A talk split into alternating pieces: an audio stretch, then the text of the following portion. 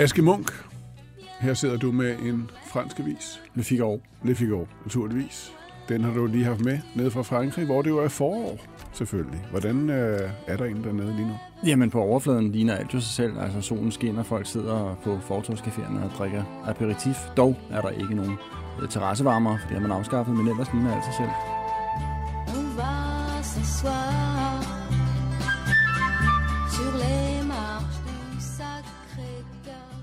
Er folk kommet så over covid-19? Øh, ja, det er de faktisk. Altså, det må man sige. Det ligger, det ligger bag franskmændene nu øh, nøje tilrettelagt, så man kunne smide maskerne her lige op til præsidentvalget. Ja.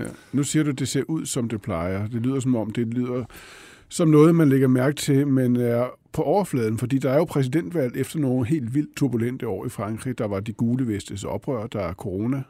Og så er du lige kommet hjem fra Normandiet, hvor oprøret mod ja, den franske elite, hele det politiske system, jo begyndte for nogle år siden. Hvordan er humøret dernede?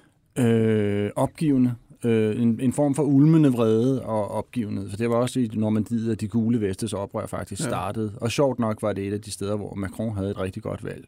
Apati, siger du. Opgivelse. Er det usædvanligt for en fransk valgkamp så tæt på første valgrunde? Ja, det er det absolut. Altså, der må man sige, der plejer man at være i fuld øh, valgkamp, og alle folk plejer at snakke om det, og, og, og, og der plejer, altså, der, man plejer at kunne gå fra et gadehjørne til et andet, uden at blive mødt med folk, der står og prøver at diskutere ja. hvilken kandidat, der er bedst til valget osv. Valgkampen uanset spidser jo til alene af den grund, at første runde er på søndag. Den højre nationalistiske Marine Le Pen æder sig ind på den siddende Emmanuel Macron i meningsmålingerne. Det var der ikke nogen, der havde regnet med. Alle havde troet, at det her på grund af corona, på grund af krigen i Ukraine, nærmest var afgjort på forhånd til Macrons fordel. Det er overraskende. Det er det, vi skal tale om. Ligesom vi skal tale om, hvordan det her skønne, mærkelige land lige nu er sunket ned i apati. Velkommen til dig, Aske Munk. Tak. Velkommen til Avistid.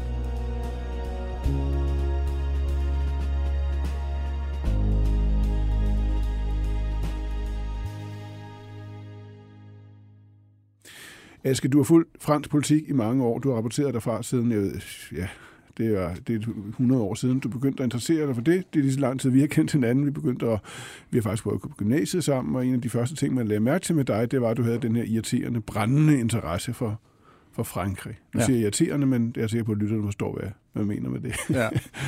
Hvad er det, der drager dig sådan med Frankrig? Jamen, jeg er glad for, at du siger interesse, fordi det er absolut ikke kun en kærlighed. Det er et had kærlighedsforhold. Jeg tror ikke, nogen, der nogensinde har boet i Frankrig, er frankofile. Frankofil det er noget, vi overlader til folk, der har været der på ferie og så videre. Kun at være glade for Det landet. Fordi det er et land, der, der, der er utrolig kontrastfyldt. Altså, det er et land, der har alt det skønneste, den skønneste natur, kultur og så videre, så det er et af de mest irriterende lande at opholde sig i også. Men hvad er det, der er din personlige fascination af det? Nå, min personlige fascination er lidt det der med at, at have nogen, der har alle trumfer på deres hånd, men som alligevel bliver ved med at ødelægge det for sig selv. Jeg tror, det er forfatteren Sylvain Tesson, der sagde, at Frankrig er et land, eller et, et, et skønt paradis befolket af folk, der tror, de er i helvede. Ikke? Altså det er ligesom, de, de glemmer at se ud over deres egen øh, navle, og, og synes, at selv de mindste problemer er kæmpe store. Og Altså, man kigger på Frankrig, og så tænker man, hvordan kan det gå galt? præcis, De har alt. præcis. Det her valg ligner på mange måder det, vi har set før. I, I 2017, der var det de samme hovedaktører i spil. Det var Macron over for Marine Le Pen, og det er dem, der efter al sandsynlighed kommer til at kæmpe om præsidentposten efter første valgrunde. Hvad er det så, der gør det her valg anderledes, end det, der var i 17? Øh, for det første er, er det naturligvis, som du selv nævnte, øh, de gule vestes oprør, Der er sammenstød i Paris her til aften, hvor tusinder af demonstranter er i gaderne. som stadig altså ligger under, som gjorde Macron ufattelig upopulær, fordi mm. han ligesom der viste, at han ikke rigtig havde nogen som helst lydhørhed over for et folkeligt oprør. Hvad var det, hvad, hvad, hvad, hvis du skal beskrive sådan i et større perspektiv, hvad det handlede om, det oprør, hvad var det? Men det handlede dybest set om, at, at det var øh, hvad nu, periferien, eller det, hvad skal vi sige, det landlige Frankrig, øh, provinsen, der følte, at den øh, kosmopolitiske elite i Paris overhovedet ikke havde nogen som helst øh, forståelse for, hvordan man lever, når man bor i provinsen. Altså den eksistentielle splittelse, som egentlig er blevet hele narrativet om, om vestlig politik i de sidste mange år. Ja, det kan man sige, som så har nået Frankrig. Ikke? Og Men- man kan sige, det er underligt, at det ikke har nået Frankrig før. Ja, fordi den der mistro mod politiske eliter eller eliter i det hele taget, den, den øh, har du i hvert fald ofte fortalt mig er noget særligt fransk. Hvor kommer den egentlig fra? Altså, Det- hvor, hvis det- man skal pege på noget i historien. Jamen, den kommer fra, altså det, det plejer jeg altid at sige, at jeg har jo både min bogreol og mit, øh, mit arkiv, som så jeg prøver at lude i, men altså det, de største bunker, det er jo korruption, bestikkelse, nepotisme, øh, vendetjenester, øh, den her lukkede klub i den forvaltningsmæssige og politiske elite, som ligesom sørger for at sørge for sig selv øh, og glemmer parolen om frihed, lighed og broderskab. Ikke? Og det er jo det, Marine Le Pen angriber. Si Emmanuel Macron avait enrichi le pays, pardon. Og hun gør det meget konsekvent. Mes amis, pour changer de politique, il faut changer les politiques. Øh, og nu ser hun altså ind til, til virkelig at æde sig ind på, på Emmanuel Macron. Hvad er det, hun lover vælgerne? Eller hvad, hvad er det, de forestiller sig, der kan ændre sig med hende? Jamen, jeg tror, det vi, skal, det vi skal huske på for det første, det var en af grundene til, at jeg også har taget den her Le Figaro med, fordi at sådan et interview med Le Pen, hvor der står, jeg er klar personligt og politisk til at tage regeringsmagten, og så et stort billede af hende smilende foran en trikolore, det ville vi aldrig have set for 10 år siden. Mm. Altså, vi skal huske på, at i, i, for ikke så lang tid siden var det fuldstændig utænkeligt at interviewe en repræsentant for Front National, eller Rassemblement National, som partiet er i dag, i tv-studierne. Folk vil simpelthen ikke tale med dem. Mm. Men hun har fået øh, held til at gøre det stuerent, og til at gøre det til et folkeligt parti, der taler for de jævne folk. Ces Français dont on disait qu'ils n'étaient rien ou qu'ils étaient non essentiels. Rappelez-vous les mensonges, les affaires, l'infantilisation du peuple. Souvenez-vous cette fameuse phrase du président sortant lors de l'affaire Benalla qu'ils viennent me chercher. Eh bien, Og den her gang har hun sat sig massivt på kun at snakke købekraft, og har overladt fuldstændig indvandring og så videre mm. til netop en type som Erik Zemmour på den yderste højrefløj. Som jo, hvor hvis vælger jo vil stemme på hende i en anden valgrunde. Hvis det er. Så, så det, det, det er jo klogt. Det er så, meget der, klogt. Så, så, der, så der er kommet en form for, for sådan kølig, kalkuleret rationalitet ind i den måde, hun, hun øh, præsenterer sig og sælger sin politik på. Prøv lige at vise mig den øh, forside på Le Figaro igen. Der, der ser man ganske rigtigt Marine Le Pen sidde, og hun ser jo enormt tilforladelig ud. Hun sidder kæmpe foran en kæmpe fransk flag. Ikke? Øh, hun ser på en gang jo seriøs og og statskvindeagtig, Og og, og også, her, også afslappet ud. Der er noget oprigtigt ved hende, synes mm. man, ikke? Jo. hun har været meget tæt på at forstå Rusland i de sidste mange år. Mm. Øh, ligesom mange andre på den europæiske højrefløj, national, øh, nationalistiske højrefløj. Hvorfor rammer det hende ikke hårdere, end det gør nu? Det forstår man slet ikke. Øh, der er to ting i det. For det første var hun, i modsætning til sådan en som Erik Zemmour, var hun lynhurtigt ude at sige, allerede øh, efter invasionen 24. februar, var hun ude at sige, at det går naturligvis ikke. Jeg tager stærkt afstand fra Ruslands invasion af Ukraine osv. Og med det har hun ligesom forhåndsvaccineret øh, sig mod alle de angreb, der har været fra hendes tidligere utroligt tætte forhold til Putin. Altså under, øh, før valgkampen i 2017 var hun over at stikke på næven ja. ham i Kreml. Hun har lånt penge til sit øh, falittroede parti i den russiske oligarks bank. Men hvorfor rammer Og så det? videre. det, det, det skulle, skulle I tro, at det var nok bare at, lægge afstand til krigen i Ukraine? Nej, men det undrer Og også det mig, så- at folk ikke har slået mere på det i, øh, i mediernes behandling af hende faktisk. Fordi det er rimelig påfaldende, og hun har også igen været ude at sige her for ganske nylig, øh, lige omkring øh, massakren i Bucha, var hun ude at sige igen, at man bliver nødt til at dog at holde et ordentligt forhold til Putin, fordi vi skal jo Men, øh, øh, have noget med Rusland at gøre Men her i landet krigen vil igen. det være helt uladsiggørligt. Det ville det. det er, øh, I Frankrig må man så erkende, at hendes vælgere, det viser meningsmålingerne, er egentlig ret ligeglade med Nemlig. udenrigspolitik. De Og- tænker netop på købekraften. Du nævner, du købekraft. Det lyder jo kedeligt. Hvad betyder det? Ja, det er kedeligt for folk, som godt kan klare den økonomisk, og som ikke sidder desperat og kigger på bankkontoen, fordi de måske ikke har råd til at købe mad til den sidste uge af måneden. Fordi at, øh, man skal huske på, at et overtræk i Frankrig, det er altså noget, man virkelig skal forhandle med sin bankrådgiver, ellers så bliver der altså lukket for, for strøm og varme. Ikke? Mm. Øh, så derfor spiller det faktisk en rolle, og det er en af de ting, hvor man kan sige, jeg bliver nødt til at sige det her, for det er en af de ting, hvor Macron igen har vist sin arrogance, da han fjernede et tilskud på 5 euro om måneden til nogle boligtilskud, som ingen i regeringen regnede for noget, mm. og som i øvrigt var socialisterne, der havde vedtaget, det er en anden sag, men hvor man ligesom kan sige, det spillede en kæmpe rolle for dem, der fik de 5 euro. Men det, at man overhovedet ikke forestiller sig, at 5 euro om måneden kan spille en rolle for nogen, viser, hvor afkoblet de er fra almindelige franskmænds hverdag. Betyder 5 euro om måneden for nogen? Noget meget for nogen? Det gør det for folk, der stadig tæller centimer, altså, eller cent Ja. øh, i, i, på euroen. Så gør det faktisk, for folk, der faktisk... Øh, altså, det er nogle mange af dem, jeg talte med i Normandiet, næsten ikke en af dem nævnte ikke benzinpriserne eller dieselpriserne, for de kører alle sammen diesel jo, øh, og sagde, at de, de, de, de tanker to liter om dagen, hvis det er. Vi kommer lige tilbage til, til de mennesker her lige om lidt. Men Macron, altså, han var, han var jo også et, et anti-elitært oprør mod det bestående. Altså, han kom jo ind fra ingenting. Øh, og så skabte en helt ny bevægelse, en marche fremad, ikke? fremad mm. men, men jo fremad alle sammen sammen. Det var en folkelig bevægelse. Mm. Tout le monde nous disait que c'était impossible. Mais ils ne connaissaient pas la France. Øh, hvad er det, der er gået galt for ham egentlig i hele den her modsætning mellem center, periferi, elite og folk? Det er øh, først og fremmest, at det er, en, det, er en, det er en masse fejltrin, altså, og så er det også en del manipulation, men det er en masse fejltrin, han har lavet. Han har blandt andet også, altså man kan sige, folk husker alt det, han har gjort for den rigeste del af befolkningen. Der, hvor han har taget højrefløjens politik til sig. Der, hvor han har engageret højrefløjspolitikere som finansminister mm. Bruno Le Maire osv. Det er det, folk kan huske. Og så glemmer de øh, det, han rent faktisk har gjort for den, øh, hvad skal vi sige, de lavere samfundslag, eller den lavere middelklasse. Det glider ligesom ud i glemselen, fordi at det andet har forrang i, i mediernes opmærksomhed.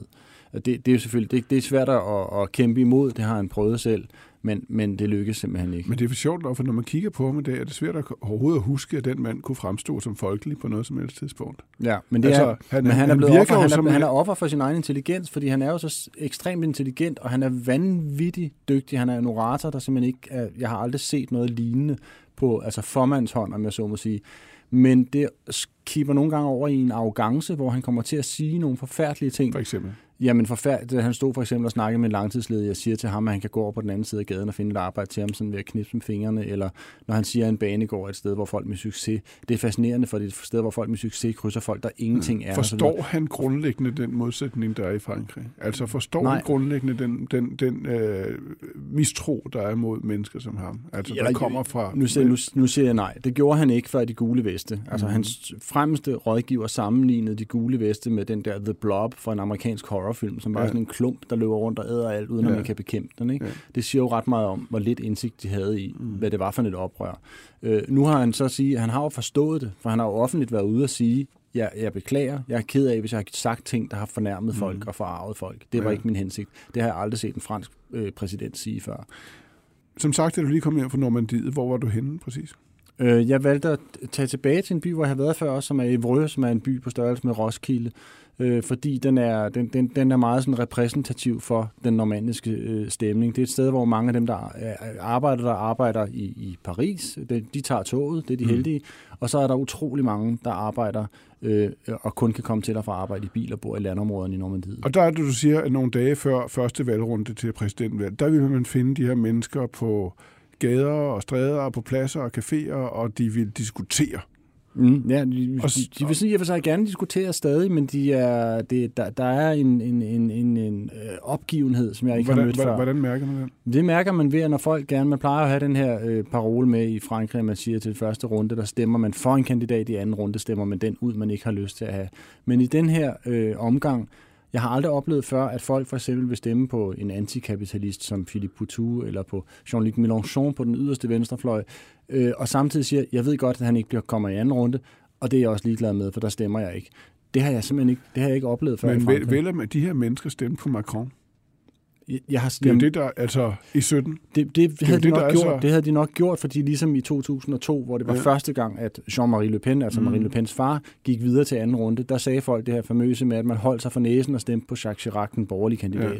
Det, ville folk, det gjorde folk i 2017. Det var derfor, Macron kom igennem med så stor en score, som han gjorde. Men det gør de ikke i år. Hvor, hvorfor er det, det overrasker dig, som du sagde før? Det bekymrer dig, og det overrasker dig. Du har sagt det flere gange. Hvorfor? Det, det bekymrer mig, fordi jeg er europæer, og selvom Europa ikke fylder noget som helst i Marine Le Pens øh, valgkamp, så er der ikke nogen tvivl om, at hun gerne vil have øh, afmonteret det europæiske fællesskab, eller som øh, Viktor Orbán gerne vil have det øh, omkalfatret i, i hendes egen, efter hendes egen øh, vision om et nationalstaternes Europa. Og det, det er ikke en, en, en vej, man synes, man kan gå. Hun er gået bort fra et decideret Frexit, altså en fransk udtrædelse af EU, ligesom hun heller ikke vil træde ud af euroen, siger hun. Men hun siger, det skal vi naturligvis have en folkeafstemning om. Men Aske, det du siger, det er, at folk er så trætte og apatiske, at de giver udtryk for det, enten ved ikke at stemme, eller ved at stemme på en hvilken som helst anden kandidat end mainstream. Ja. Eller deres øh, end deres egen øh, præsident. Og så søger de tilflugt i nogle diskussioner til nogle historier, som du heller aldrig rigtig er er stødt på i det omfang før. Hvad er det for nogen? Jamen det, er, det, det har taget virkelig fart, altså øh, kom, det der hedder komplotisme på fransk, som vi nok vil oversætte til konspirationsteorier, som altså i, i Frankrig har taget ekstrem fart under de gule veste, fordi vi har et problem i Frankrig med, at medierne er ejet af store øh, våbenmagnater og industrigiganter. Det gør, at de gule veste, som jo var den, det brede folk, ja det franske folk, om man så må sige, de havde ikke tiltro til de almindelige medier. Så derfor, hvor søgte de hen? De søgte hen efter de nyetablerede russiske medier, som Russia Today, eller RT, som det hedder, og Sputnik, som blev nyhedsoutlet for de her gule veste, sammen med en helt hårde af selvudskrevne guruer, som øh, var YouTuber osv. De havde en enorm følgerskare, som så gik videre og blev covid-fornægtere. Mm. Og dermed, øh, de, de, de havde deres tilhørskare, så noget skulle Men de gøre. ja, ja, men- det, det spiller en kolossal rolle. Det, det er stedet det? fra 24 procent af for franskmænd, der tror på en eller anden form for konspirationsteorier, til over 33 procent nu. En tredjedel af befolkningen, der tror på konspirationsteorier. Det er helt vildt. Det er et utroligt dårligt udgangspunkt for demokratiet.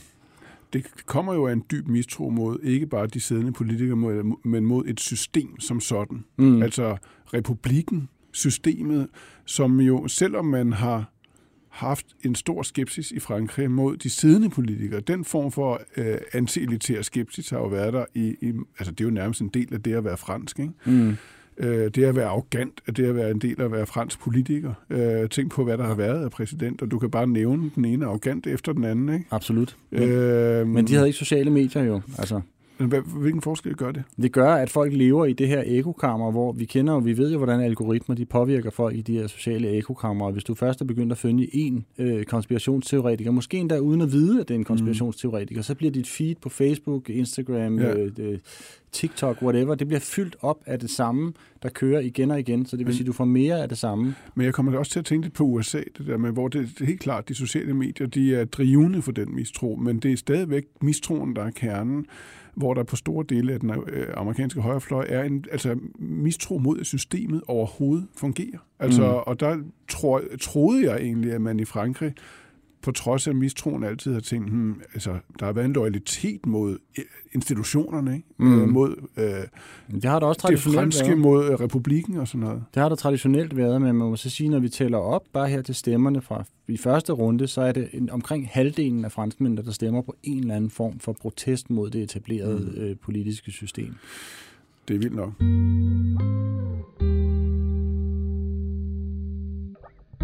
Du er lige kommet med en ny bog, og vi sidder med den her. Øh, endnu en bog om fransk kultur og fransk politisk kultur, som jo er dit øh, speciale. Det er jo sådan en slags, du kaldte det et kærlighedsforhold. Det er det nu mest en kærlighedserklæring. Måske sådan lidt øh, drilsk, Ja, lidt anekdotisk, ikke?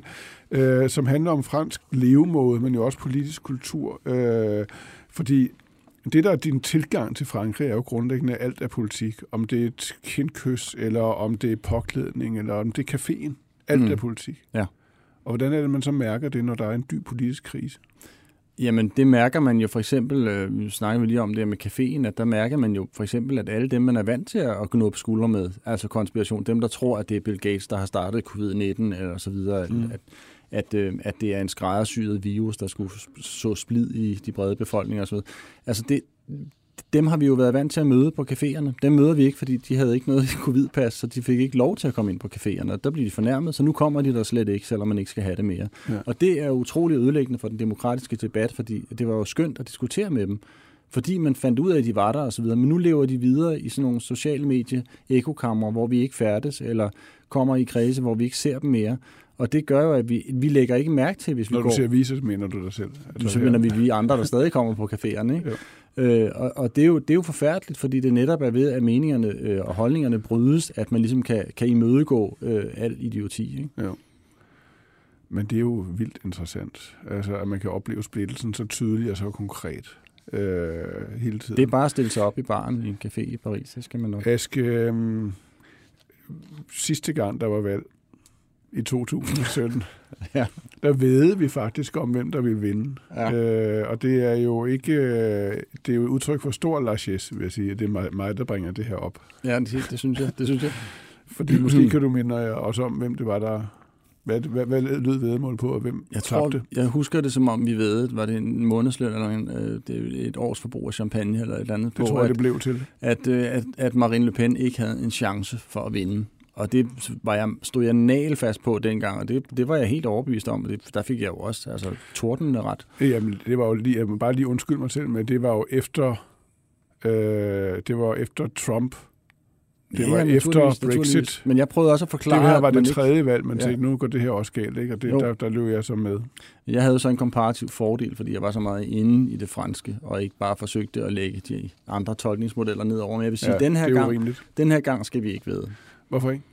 Fordi de, står, simp- de ligger simpelthen så tæt, og det er, derfor, det er derfor, jeg har det her interview med i dag, og den her avis, for at vise, at Marine Le Pen er ikke en, hun er ikke en frygt. Der er ikke nogen, der frygter hende mere. I gamle dage var det sådan noget 60-70 procent af fran- den franske befolkning, der frygtede, at hun mm. kunne komme til magten. Og det bringer os her til sidst øh, tilbage til, hvordan det normalt foregår. Og det er det, du siger, er sat ud af kraft. For normalt foregår det jo sådan, at der er øh, en række partier, vi har ikke talt om andre end netop, netop de to, øh, Nej.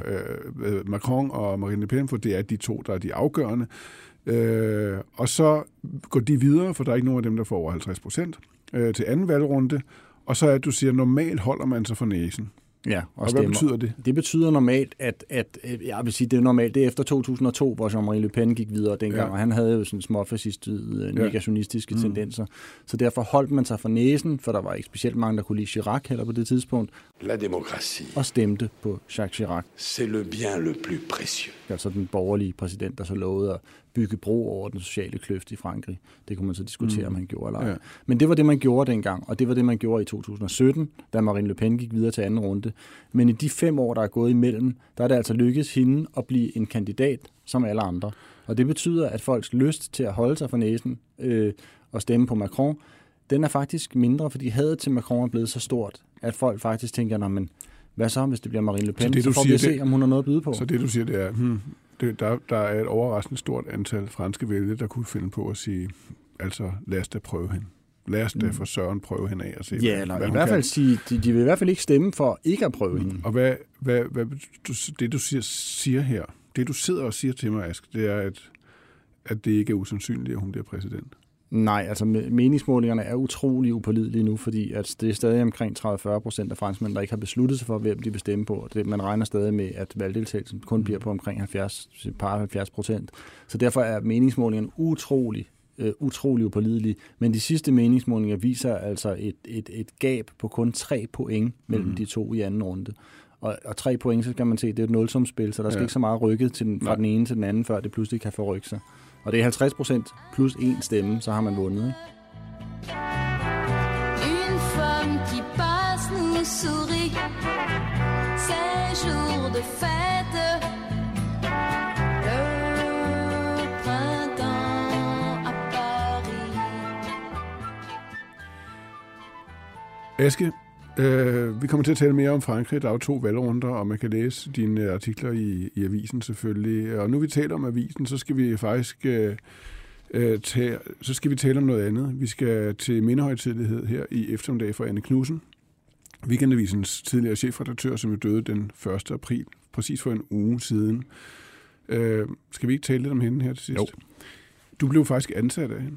Det gjorde jeg. Ja, og hun interesserede sig også meget for Frankrig. Altså enormt meget for Frankrig. Ja, det gjorde hun, men til gengæld synes jeg, at uden at, uden at blande sig, for hun havde sådan et utroligt øh, intellektuelt og akademisk overskud, hvor hun ligesom, jeg synes, hun ledte med en overlegenhed, øh, som var, at hun ligesom bare forventede, at man ydede sit bedste. Mm.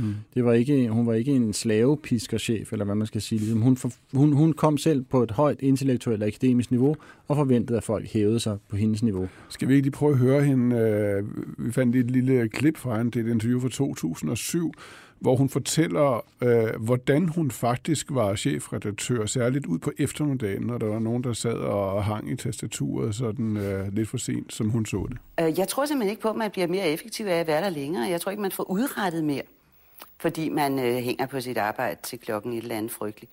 Og jeg går simpelthen rundt og siger til, øh, og det er navnligt de unge mænd, som er tilbøjelige til at øh, lave den der konkurrence. Ikke? Når jeg går, så går jeg rundt og kigger, om der sidder nogen, der hænger.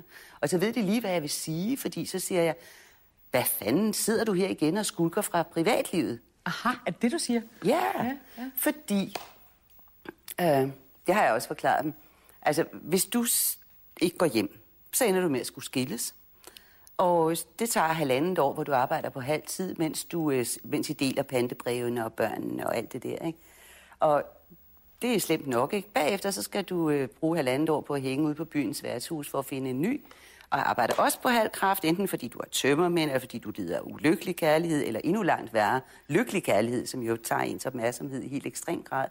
Tre års tabt øh, energi, ikke? bare fordi du ikke kan gå hjem om aftenen. Den har jeg fortalt dem alle sammen, så det ved de, at de... øh, Så, så de er nødt til at have en undskyldning parat, hvis de har tænkt sig at sidde til klokken 8 om aftenen. Jeg tror aldrig, hun har sagt det til mig. Har hun sagt, har hun sagt det til dig? Nej, men jeg hang aldrig til om aftenen. Eller? Nej. Måske er det sådan en historie, hun også har fortalt, som, øh, om sin måde at lede på, som jo også handlede om, at hun gav folk enormt meget. Hun var faktisk ligeglad med, hvor folk var henne. Ja. Ikke? Er det ikke rigtigt? Men altså, hun, hun, hun, øh, hun, øh, altså, man kunne være, hvor man var. Vi havde lyst til, man kunne arbejde, når man havde lyst. Så man kunne arbejde lige så lidt, man ville, eller meget, man ville. Bare det, der kom ud af det, var, havde et niveau, som vi kunne stå indenfor. Men det synes jeg jo også, man er, det, altså jeg synes jo, man er nødt til at gøre det sådan, når det er en ugeavis. Så det synes jeg, at det er overskud, som hun ligesom viste. Øh, og, og jeg synes jo også, at avisen afspejlede det. Det er jo det, der afspejler sig de overraskende vinkler. Det er fordi, man får lov til i arbejdstiden at sidde og læse en vigtig bog eller et eller andet, hvor man ikke forventes at skulle aflevere noget klokken 5 minutter i 3 mm. øh, den og den dag. Ja. Øh, vi har et mindeord i avisen i dag også. Vi har flere mindeord, og de er meget, meget fine. En af dem er Peter Vivl, som var hendes forgænger, øh, indtil hun blev chefredaktør, hvilket hun jo var i 18 år. Men Peter Wiel skriver, at hun var den første blandt ligemænd. Hun skrev i avisen. Hun, øh, det var det, der definerede hende. Hun læste bøger, og hun læste bøger, og hun læste atter bøger og bøger. Og jeg tror, hun havde det sådan, at hun, hun først havde læst en bog, når hun havde skrevet en længere artikel om, hvad hun mente om den bog. Tror du ikke? Nå, det lyder meget øh, præcist. og, og det skønneste for hende var at have en stor artikel i avisen, helst på forsiden. Og hvis den ikke var på forsiden, så gik hun lidt rundt til redaktøren for at sikre sig, at den skulle nok holde egentlig, der, eller mindste en stor henvisning. Og det er jo ret skønt, har jeg altid tænkt, fordi det viser en meget højt ambitionsniveau i forhold til, hvad der er vigtigst, nemlig hvordan er avisen, og hvem skriver i den, og gør det det godt. Vi har fundet en anden bid fra et øh, interview. Øh, jeg tror nok, det er det sidste interview, hun lavede. Det var i december måned til DR. Der talte hun blandt andet om, om det at fremstå som et interessant, eller selv synes, at man er et interessant menneske. Nej, Jeg synes, at folk, der finder sig selv interessante, er uinteressante, hvis jeg må sige det på den måde. Altså, altså jeg, jeg er interessant på den måde, jeg har oplevet mange interessante ting. Mm. Øh, men jeg synes, at man skal styre, sit, øh, styre sin forfængelighed. Jeg er ikke sikker på, at det er rigtigt. Jeg forstår godt, hvad hun mener med det. Jeg tror, at der var mange mennesker, der synes, de var interessante, som hun ikke synes var særlig spændende. Absolut. Men det der med at være forfængelig, det tror jeg simpelthen var et af hendes særkender. Altså, at, at, for det er jo også lidt det samme som at være ambitiøs. Altså, at hun, hun havde nogle standarder, som hun gerne ville leve op til, også i andres øjne. Hun ville lave en avis, der havde stort økonomisk overskud. Det var meget vigtigt, for det gav frihed. Og så skulle det være en avis, som skabte respekt omkring sig. Ja. Det, er jo, det er jo en forfængelighed, som er ret vigtig, synes jeg. Jo, man skal jo ikke kæmpe sig af forfængeligheden som drivkraft i alt, hvad man laver her i livet. Altså på en eller anden måde handler alt vel i, om, om anseelse, og også om selvanseelse, men selvanseelsen kan jo også være afhængig af, hvad man, hvordan man bliver set af andre. Ja. Så det, det, det tror jeg, du har ret i. Jeg, jeg kan for eksempel huske det der med friheden, ikke? Mm. Øh, og det der med ambitionen. Der var en, en gang, hvor øh, vi to faktisk fik muligheden for at tage til Libyen af alle steder. Og, øh, Nå og, så, ja, og så gik vi ind, og det er mange år siden, så gik vi ind og sagde til Anne, vi har, vi har den mulighed for at tage til Libyen, er det ikke en strålende idé? Og, og, og, og det sagde hun bare, det er glimrende, det lyder spændende, hvis I synes, det er godt, så gør det. Og så er tanken jo bag, at det skal I bare gøre, men det skal eddermame være godt, det I kommer hjem med. Og så, det tror jeg nu også, det var, men jeg skrev så en, blandt andet en artikel om nogle romerske ruiner lidt uden for Tripoli, øh, og, og det viser sig, at det var en artikel, der var fyldt med fejl. Og det opdagede jeg ved, at den på et tidspunkt, nogle dage efter jeg kom hjem, lå inde på mit skrivebord øh, med røde streger ned under alle de årstal, der var forkerte, og så stod der bare kærlig hilsen Anne. Det er knæstørt. Lad os slutte af med at høre en stemme, som Anne Knudsen holdt meget af. Øh, der var både ambition og forfængelighed i den. Det er Maria Callas, og det er her i Verdis La Forza della Destino, arien Pace, Pace mio Dio hedder den. Den elskede hun. Avistid er som sædvanligt produceret og tilrettelagt af Marie-Louise Vesthardt, Birgit Nielsen Petersen og Lea Skovby Børk. Jeg hedder Martin Krasnik.